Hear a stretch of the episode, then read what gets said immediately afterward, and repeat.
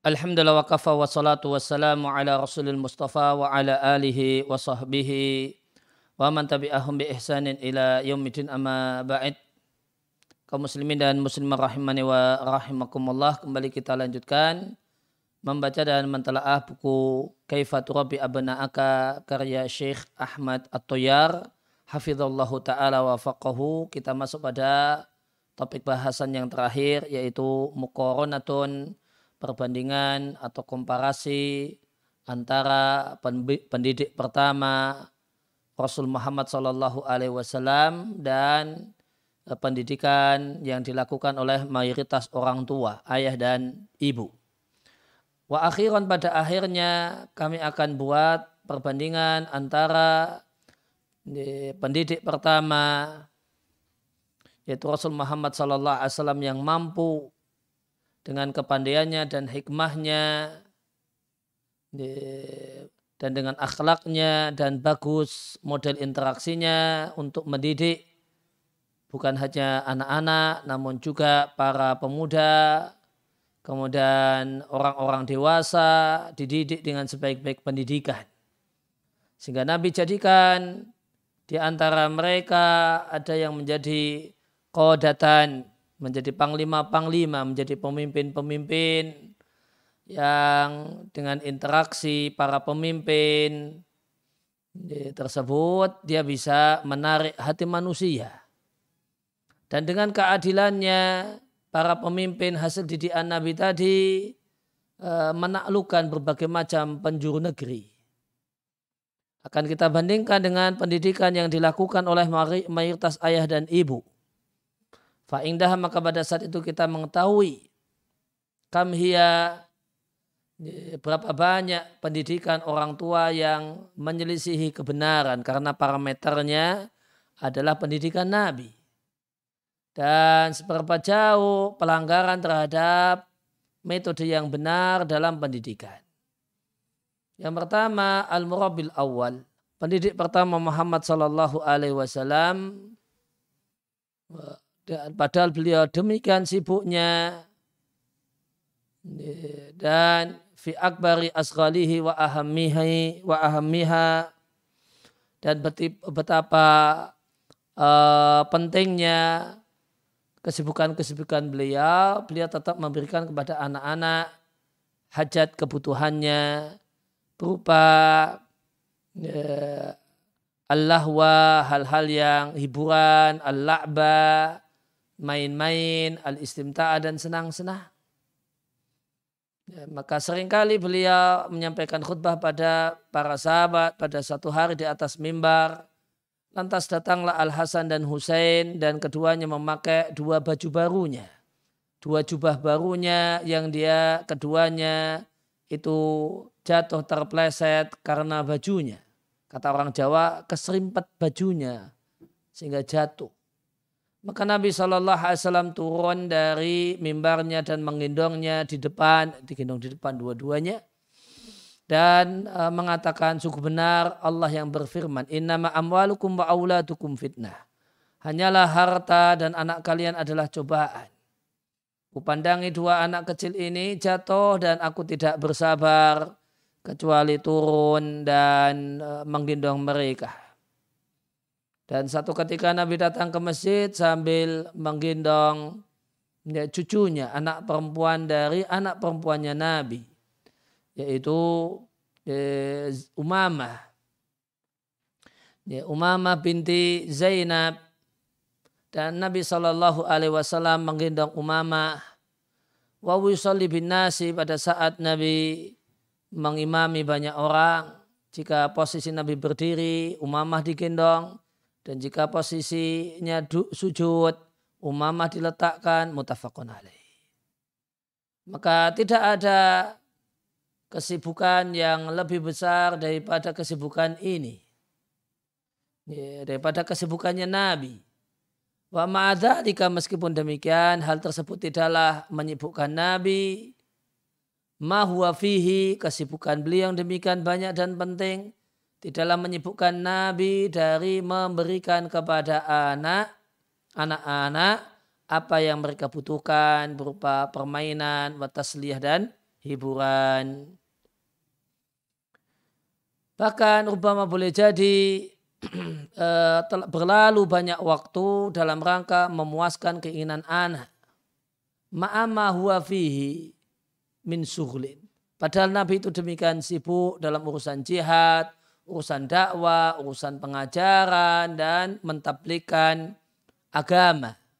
Aisyah radhiallahu anha mengatakan, aku melihat Nabi Shallallahu Alaihi Wasallam menutupiku dengan ridaknya. Ridak itu kain yang uh, dipakai oleh gambarannya adalah kain yang dipakai oleh laki-laki yang dalam keadaan ihram untuk menutupi bagian atas badan. Dan aku nonton Habasyah yang sedang main-main di masjid. Nabi demikian menemaniku sampai akulah sendiri yang bosan. Bunda Aisyah mengatakan, hargailah seorang Jaria seorang gadis al-hadisati thinni yang umurnya masih belia, yang suka hiburan. Ya, rawahu al-Bukhari.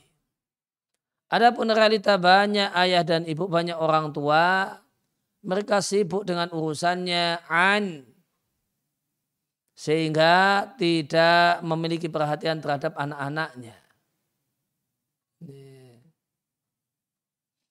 Bitobri ada sibuk masak, wal mukallamat, sibuk ngobrol, wal ahadis janibiyah, ngobrol-ngobrolan yang bersifat sampingan.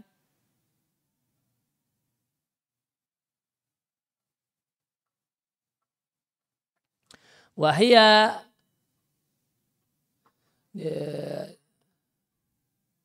dan obrolan sampingan tersebut padahal adalah obrolan yang remeh. Namun meskipun demikian obrolan itu nilainya remeh, mereka tidak mau di tengah-tengah ngobrol itu diselai oleh anak-anaknya. Padahal Nabi lihat menyampaikan khutbah, khutbahnya di berhenti sementara demi anak-anak. Ini tidak menerima di tengah-tengah obrolan, tidak menerima dari anak-anak ayyushayin bentuk apa pun, guyonan, senyuman, ataupun yang lainnya. Yang kedua, eh, pendidik pertama ya, tidaklah menghukum dan tidaklah mencela anak-anak kecil karena keteledoran yang mereka lakukan. Bahkan tidak memberikan hukuman terhadap kedurhakan anak kecil terhadap perintah. Anas bin Malik radhiallahu anhu mengatakan Nabi Shallallahu Alaihi Wasallam mengutusku pada satu hari untuk satu keperluan. Fakultu maka aku katakan wallahi la adhabu demi Allah aku tidak pergi dan dalam hatiku aku akan pergi karena Nabi Shallallahu Alaihi Wasallam memerintahkanku. Lantas Berangkatlah aku sampai aku melewati sejumlah anak-anak kecil yang sedang main di pasar.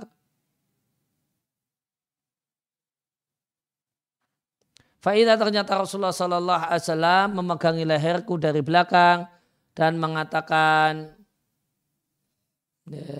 Kala ya, Anas mengatakan, aku memandang ke arah Nabi, bahwa yathaku dan Nabi tersenyum. Perlu diketahui yathaku dalam bahasa Arab itu bisa untuk senyum bisa tertawa. Sehingga mana yang pas ya tergantung kalimatnya. Dan Nabi tersenyum dan mengatakan, Wahai Anas, Adhabta apakah engkau telah pergi ke tempat yang aku perintahkan? Ya, barulah Anas mengatakan, iya wahai Nabi, aku akan pergi. Ya, iya, aku akan pergi wahai Rasulullah. Rahu Muslim. Subhanallah ayu akhlakin kana. Betapa indahnya akhlak yang digunakan oleh Nabi Shallallahu Alaihi Wasallam. Anas itu disuruh Nabi tidak langsung pergi masih ya, ya, masih lihat nonton lihat ada anak-anak pada main dan Nabi tahu nggak langsung pergi Nabi tidak marah.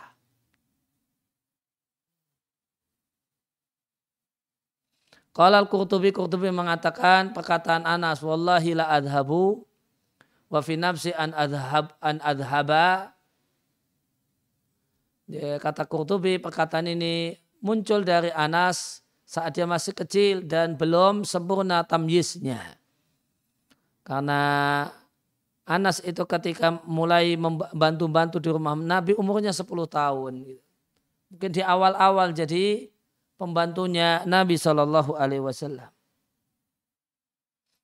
Kenapa disimpulkan demikian? Karena tidak muncul kalimat semacam ini dari orang yang tamyiznya sudah sempurna. Wadhalika ya, karena Anas itu bersumpah dengan nama Allah menolak untuk melakukan apa yang diperintahkan oleh Rasulullah Sallallahu Alaihi Wasallam musyafahatan ya, secara lisan dia menolak bahwa azimun padahal di hatinya dia bertekad untuk melakukannya. Ya, jadi wallahi la, la adhabu itu ucapan lisannya kepada Nabi wa fi nafsi sedangkan di hati ya, Anas itu mau pergi. Nah ini hanya dilakukan oleh orang yang atau anak yang belum sempurna tamyiznya. Fajama'a maka Anas menggabungkan antara uh, menyelisihi tidak melaksanakan permintaan Rasulullah Sallallahu Alaihi Wasallam dan menceritakan kalau dia imtina menolak untuk melaksanakannya ditambah bersumpah dengan nama Allah. Ala dalika meniadakan hal tersebut sumpahnya meniadakan hal tersebut dan bertekad untuk melakukannya Wafihi mafihi maka dalam sikap Anas ini satu hal yang bermasalah Wa ma'adhalika meskipun demikian Nabi Shallallahu Alaihi Wasallam tidaklah menoleh dan memperhatikan sedikit pun dari hal itu. Nabi tidak menganggapnya dan Nabi tidak menghukumnya. Balda abahu bahkan Nabi mengguyoninya. Ya, Nabi malah bercengkrama dengannya. Nabi pegangi lehernya sambil Nabi itu senyum-senyum dan senyumnya adalah bentuk sayangnya Nabi dengannya wa istiltofan dan mengambil dan berupaya bersikap lembut dengannya. Kemudian mengatakan ya Unais, maksudnya ya Anas. Pergilah uh, ya, ke tempat yang aku perintahkan. Ya, maka baru Anas mengatakan, ya aku akan pergi. Wahada kulu dan itu semua adalah buah dari akhlak Nabi yang mulia dan buah dari sikap lembut Nabi Shallallahu Alaihi Wasallam yang luar biasa. Intaha sekian kutipan perkataan Al Qurtubi di kitabnya Al Mufhim Sarah Sahih Muslim. Wa amal kathiru minal abai sedangkan banyak orang tua, ayah dan ibu fahadis wala haraj. Maka silahkan komentar tidak akan salah. Bagaimana sikap mereka dengan anak-anak mereka ketika mereka melakukan seperti uh, perbuatan Anas. Maka banyak orang tua akan menegaskan kalau anaknya melanggar perintahnya alias nakal dan tidak mau melakukan apa yang diminta, maka sebagiannya kemudian bersegera memukul dan sebagian orang tua yang lain yatahajamu alaihi eh, menyerang anak dengan eh, dengan mencela, dengan mengancam, dan yang lainnya yang merupakan gaya atau cara-cara yang kering. Tidak ada pada kamus orang tua ini memaafkan dan merelakan. Dia tidak pula ada padanya dialog, diskusi tentang sebab kenapa anak ini e, melanggar dan durhaka. Maka di sini ada satu pertanyaan yang berat untuk ditelaah dan direnungkan. Yaitu bagaimana kok bisanya Anas itu berani mengumumkan kedurhakaannya dan pelanggarannya. Ma'ama ya rahu minan Nabi Sallallahu Alaihi Wasallam padahal dia melihat Nabi Sallallahu Alaihi Wasallam itu demikian hafawah wal ikram. Ikram memuliakan,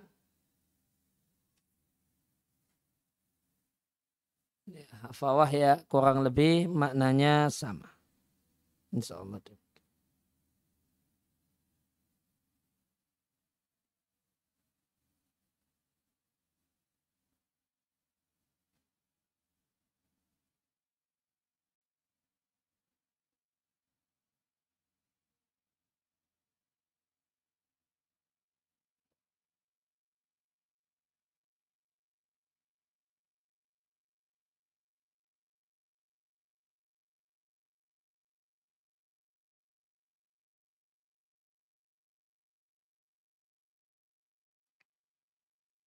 Ya, uh, memuliakan, menampakkan pemuliaan.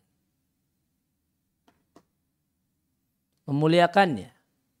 Maka jawabannya karena seringnya Anas itu uh, berinteraksi dan berinteraksi dengan Nabi Wasallam, Anas melihat ada pada diri Nabi kelembutan dan kelembutan, kelapangan dan kasih sayang. Yang ini membuat Anas berani melakukan hal-hal itu. Dan renungkanlah juga bagaimanakah Nabi Shallallahu Alaihi Wasallam tidaklah menganggap perbuatan Anas itu ya, dan menodai kehormatan Nabi. Tidak pula tindakan Anas dianggap sebagai melecehkan nilai Nabi. Tidak pula itu mengurangi wibawa Nabi. Sebagaimana yang dianggap oleh mayoritas ayah dan ibu. Namun Nabi menganggap sikap Anas gak mau jalan, gak mau berangkat, bahkan ngomong demikian. Itu adalah satu hal yang tobi'ah. Satu hal yang alami min tabiati wa jibillati sama tabiah itu alami jibilah alami hanya anak-anak ya normalnya anak-anak lah ya, kadang nggak nurut gitu bahkan uh, Nabi jumpai hal ini menjadi kesempatan. Fursotan kesempatan sanihatan yang tersedia. Ya untuk guyon dengan Anas dan tertawa atau tersenyum di depan wajahnya Anas.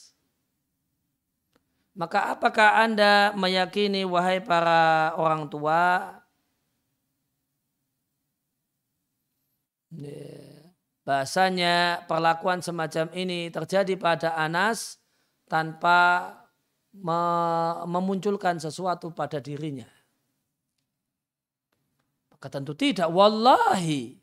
Qad athara hadal mauqifu. Sikap Nabi ini memiliki pengaruh pada diri Anas ta'thiran baliran. Pengaruh yang luar biasa. Kemudian yang ketiga, pendidik pertama sang Nabi Shallallahu Alaihi Wasallam tidaklah mencela anak-anak dan tidak pula sering mencela dan mencelanya. Buktinya Anas pelayan Nabi Shallallahu Alaihi Wasallam yang masih kecil karena melayani Nabi sejak 10, umur 10 tahun mengatakan, e, aku melayani Rasulullah Shallallahu Alaihi Wasallam selama 10 tahun sejak Nabi tiba di Madinah sampai Nabi wafat. Dan wallahi demi Allah, Nabi tidak pernah mencelaku sekalipun. Tidak pernah berkata kepadaku uf sama sekali. Ah, gitu enggak pernah. Tidak pula pernah Nabi berkata ke, uh, mengomentari sesuatu yang aku lakukan, kenapa kau lakukan?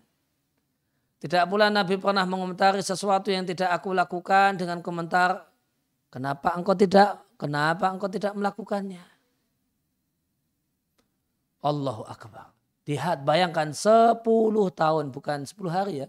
10 tahun melayani tanpa mencela sama sekali Wah, bahkan walam yakul nahu, Nabi tidak pernah berkata kepada Anas meskipun hanya sekali uf dan tidak pernah mencela Anas karena satu perbuatan yang dia lakukan dengan komentar kenapa ini dilakukan, kenapa ini tidak dilakukan. Ada udah banyak ayah dan ibu maka mereka mencela anaknya dalam sehari lebih dari 10 kali. Bahkan eh, mencaci anaknya dan menegur anaknya berkali-kali. Ya, karena ya, poros mencaci, mencela ini tumbuh besar anak ini menjadi anak yang bodoh.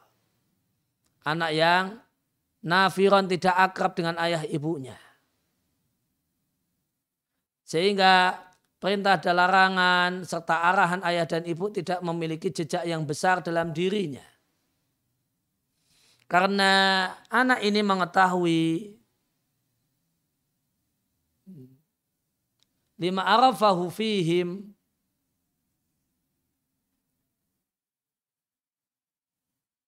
Bahasanya pada orang tuanya itu banyak mengkritik, banyak mencela, banyak men, ya, uh, alaum, banyak mencela dan mencela. Dan yang keempat, Pendidik pertama Shallallahu Alaihi Wasallam memanggil anak-anak dengan sebaik-baik nama dan ungkapan. Menyebut, menamai mereka dengan gelaran yang paling indah dan e, kiasan yang paling indah. Nabi panggil Ibnu Abbas dengan ya gulam nak. Nabi panggil ada satu anak perempuan kecil ya Ummah Khalid. Ya, ada anak laki-laki yang masih kecil dipanggil ya Aba Umair. Fayufdi ala ha'ulail atfal. Maka Nabi berikan pada anak-anak ini dengan panggilan dan nama-nama ini perasaan cinta, sayang dan sayang. Dan mereka pun merasakan melalui panggilan-panggilan tersebut kalau mereka itu memiliki kedudukan dan memiliki nilai penting dalam diri Nabi.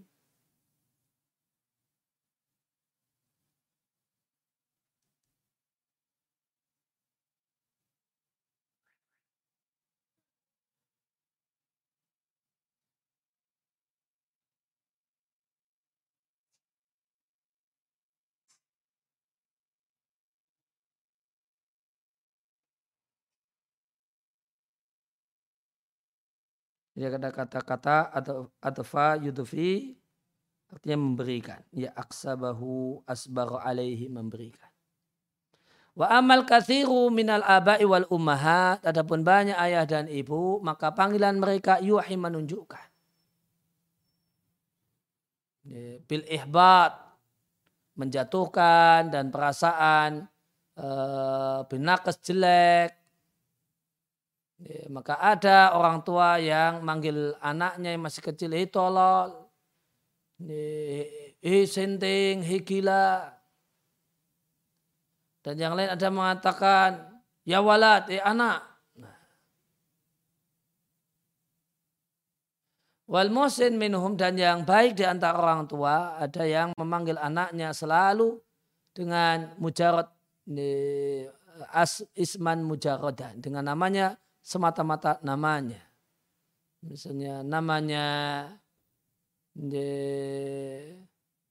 ya, ya hanya manggil namanya saja, namanya Abdullah ya panggil Abdul. An tidak diberi kunyah yang indah atau panggilan yang disukai. Ya kalau dalam bahasa kita orang Indonesia ya tidak kemudian ditambahi misalnya Mas, tapi disebut nama namanya langsung namanya uh, Ahmad, Ahmad itu. Mikdad, Mikdad misalnya. Ya, tidak kemudian ada uh, tambahan yang itu ya, menyenangkan hatinya. Kakak, kakak Ahmad misalnya. Mas Mikdad atau yang lainnya.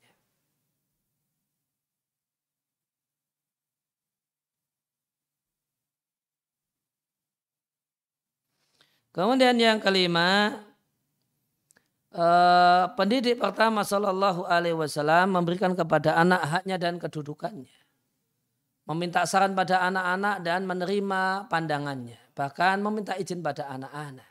Diberikan pada Nabi Shallallahu Alaihi Wasallam satu gelas air, Nabi minum sebagiannya, kemudian Nabi pandangi wajah orang-orang yang ada. Ternyata di sebelah kanan beliau ada anak kecil dan dialah yang paling belia. Sedangkan orang-orang tua, orang-orang dewasa ada di sebelah kiri Nabi. Maka Nabi katakan, ya gulam, nak, apakah kau izinkan bagiku untuk memberikan gelas air ini kepada orang-orang tua terlebih dahulu. Lantas anak ini mengatakan, ma kuntuli uthira. Aku tidaklah mau mengutamakan bagianku darimu untuk siapa pun wahai Rasulullah. Aku tidak merelakannya, maka Nabi pun memberikan gelas itu kepadanya. Mutafakun alaih. Hakata demikian Nabi SAW memberikan pada anak ini nilainya. Dan menunjukkan kepadanya kalau dia punya nilai penting dan kedudukan. Buktinya Nabi meminta izin kepadanya dengan penuh kelembutan dan kelembutan. Nabi katakan, apakah engkau izinkan untukku? gitu. Sedangkan banyak orang tua Bama boleh jadi dia tidak pernah, banyak orang tua tidak pernah mengucapkan kalimat ini. Tidak pernah meluncur pada lisannya kata-kata semacam ini kecuali ketika ngobrol dengan orang-orang yang memiliki kedudukan besar yang terpandang. Sedangkan anaknya, orang-orang yang disayang atau yang dicintai, maka tidak kepikiran untuk mengucapkannya. Apakah engkau mengizinkan untukku misalnya? Dan tidaklah dia uh, membolehkan untuk mengucapkannya. Atau dia pun tidaklah berupaya untuk bisa mengucapkannya. Adapun meminta saran, ya, maka banyak orang tua, orang terakhir yang dimintai saran itu baru anaknya. Maka banyak orang tua tidak minta saran kepada anak dalam masalah memilih pakaian, tempat rekreasi yang e, mereka akan pergi, tidak pula meminta saran anak dalam hal-hal yang berkenaan dengan rumah dan keluarga. Mu'alilan dalika dan hal tersebut dan beralasan bahasanya anaknya itu masih kecil dan sehingga tidaklah diambil pendapatnya. Yang keenam, pendidik pertama Nabi Shallallahu Alaihi Wasallam mendengarkan dalam level level pertama pada anak-anaknya dan anak-anak dan dan anak-anak kecil dan bocah-bocah. Meskipun perkataannya itu bagi Nabi layak nilau syai'an. Tidak bermakna apa pun bagi Nabi. Maka ini Aisyah radhiallahu anha dan ketika itu Aisyah masih tergolong kecil ya, bercerita kepada Nabi kisah Ummu Zara, Abu Zara dan Ummu Zara. Dan dia cerita yang panjang. Ya, mungkin setengah jam atau lebih. Meskipun demikian Nabi duduk mendengarkan cerita Ibunda Aisyah. Bahkan Nabi Tafaul memberikan respon yang nyambung dengan cerita Ibunda Aisyah. Dengan mengatakan aku denganmu seperti Abu Zar dengan Ummu Zar. Sedangkan banyak orang tua, banyak ayah dan ibu, mereka tidak mau mendengarkan anak-anaknya. Wa ila mawakifihim, tidak pula mau memperhatikan sikap-sikap anak dan kisah-kisahnya. Bahkan menyuruh diam dan dan lantas melabeli anak dengan label banyak ngomong.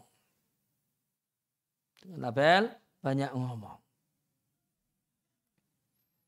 Ya, kemudian yang ketujuh, pendidik pertama Nabi Shallallahu Alaihi Wasallam memberikan hadiah pada orang yang berat untuk diberi hadiah dan menawarkan kepadanya jenis hadiah yang diinginkan dan meminta saran kepadanya untuk memilihnya. Rabi'ah ibn Ka'ab al-Aslami mengatakan, aku bermalam bersama Rasulullah Sallallahu Alaihi Wasallam. Maka aku datang kepada Nabi, membawa air wudhu Nabi dan apa yang jadi kebutuhan Nabi. Lantas Nabi mengatakan, sal mintalah hadiah. Maka kemudian ku katakan, aku meminta hadiah menjadi temanmu di surga. Nabi katakan, adakah hadiah yang lainnya? Aku tuh katakan, huadaka itu saja. Kal Nabi katakan, maka bantu aku untuk bisa mengalahkan dirimu sendiri dengan banyak bersujud, diatkan oleh muslim. Sedangkan banyak orang tua, ayah dan ibu, mereka banyak memberikan hukuman dan lupa memberikan reward dan hadiah. Namun sering ngasih punishment, tapi rewardnya tidak ada. Dan jika mereka memberikan hadiah, maka tanpa meminta saran agar mereka bisa memilih yang cocok dan apa yang diminati. Ya demikian yang ya, yang bisa dibaca dalam kesempatan siang hari ini. Wassalamualaikum ala nabiyina Muhammadin wa ala alihi wa sahbihi wa bihamdika. Asyhadu an la ilaha illa anta astaghfiruka wa atubu ilaih.